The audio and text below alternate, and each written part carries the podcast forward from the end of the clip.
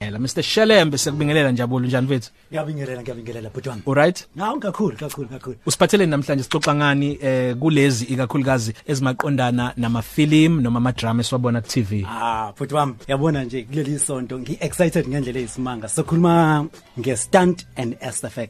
Yini yini stunt ne FS SFX ngaze nami ngibuka ke sengicishe ngaphindi into ka K Naomi. I SF bani?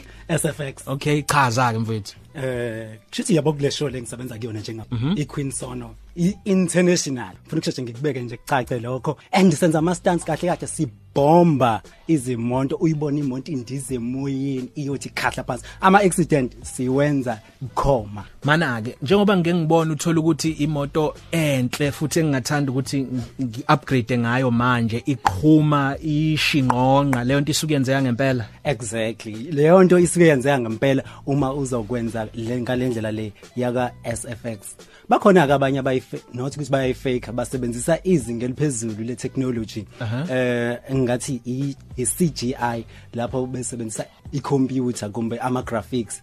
Yebo bakhona ke benza ngale yondlela. Kodwa kule film lengiyenzayo njengamanje sikwenza bukhoma ba. asichazele igama elithi stunt mangaphosisi lithi into esiyenzile ekungeyona kodwa esenza ngathi iyona leli gama elithi SFX lona limel- limeleni Eh asiqale ngo stunts. stunt eh? ehe ustansi noma ungasho ukuthi into ekungeyona into osukuyenza Yeah. even though uthola ukuthi uyenza ngezinga eliphezulu noma mhlawumbe ube nehaba oh yes khona abantu esibaqa- esibaqashayo nje ukuthi bazokwenza ama stunts mhlawumbe okuwa it's a shooting scene Okay. then bazowa ngendlela ethize okuhluki okuhlukile kunama extras wethu so bona ilabantu othi medutshulwa umbone ephenduka mhlambe 3 times emoyeni bese ayolenda ngendlela awkward obonayo ukuthi ah uzumdabukele konfilm ka Nicolas eh, Cage no John Travolta ebizwa nge Swordfish bahamba ke ngesikepe ba- ba- bahubhana ngeikepe uma se- se- is- isikepe sesirola ngiqaphela ukuthi hayibo akusibona ubuso babo bobabili ngesikhathi besemoyeni kodwa kumele ngabe ibona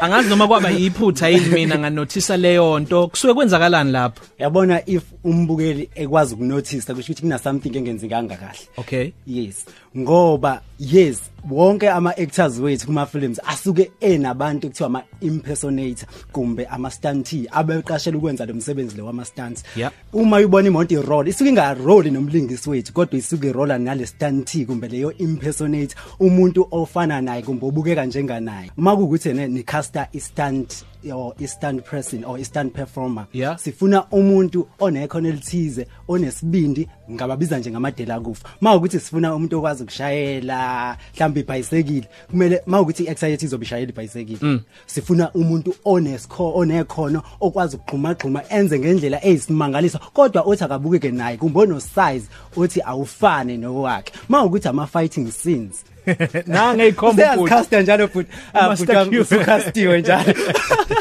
Eh, sixoxa noNjabulo Shelembe. Namhlanje sikhuluma ngama stunts neSFX. Uthe uSFX umeleni? eh special effects Uzositshela ke uzoqhubeka sitshele ukuthi kufundelwapi, eh ngabe mawuzoba iyona icontract yakhe ihluke ngani kunale yalomuntu osukumele mawusuzongena la okusha khona imoto kubhidlika amabhilidi. Mana ke mfowethu, ngikhumbula uChristopher Reeve, angazi noma waye uSuperman wokuqala yini kodwa omunye woSuperman esebeba khona.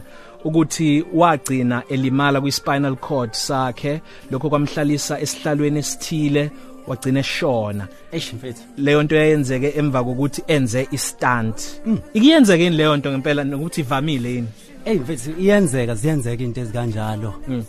Yeah, but siyazama kuya- i-production iyaba iyawakhava ama stunts like abantu abenza lawo ma stunts wethu ama stuntmen ekusuke asuke ecovered even though kuyenzeka ke kodwa ke sikhosikhumbula ukuthi akhona ama actors ashonayo ethi a perform ama stunts Sure. njengano uba u Brandon Brandon Lee indodana ka Bruce Lee Yeah, wodwa. yeah. so nayo yashona kwisini kwakumele vele idutshulwe ife angazi ukuthi kwenzakalani basebenzisa Ibullet yangempela. okusaspam okusanhlamvu yangempela noma inhlamvu yangempela wagcina eseshona kanti kwayena uBruce Lee naye wabulawa i- inkinga yomqondo kuwukuthi yabangwa okwathinteka bekuyiset Oh. We- yes and namasa namasa yenziwa ama side effects ama painkillers ayiwasebenzisi sure ngicabanga ukuthi kuba khona insurance ethileke yaba abantu abenza ama effects ya kumele abazi abantu ukuthi noma kungumsebenzi omnandi kodwa uno- unabo ubungozi bakhona mawufuna ukuba yidela kufake elenza ama stunts nama SFX kumele nifundelaphi hola malini futhi eh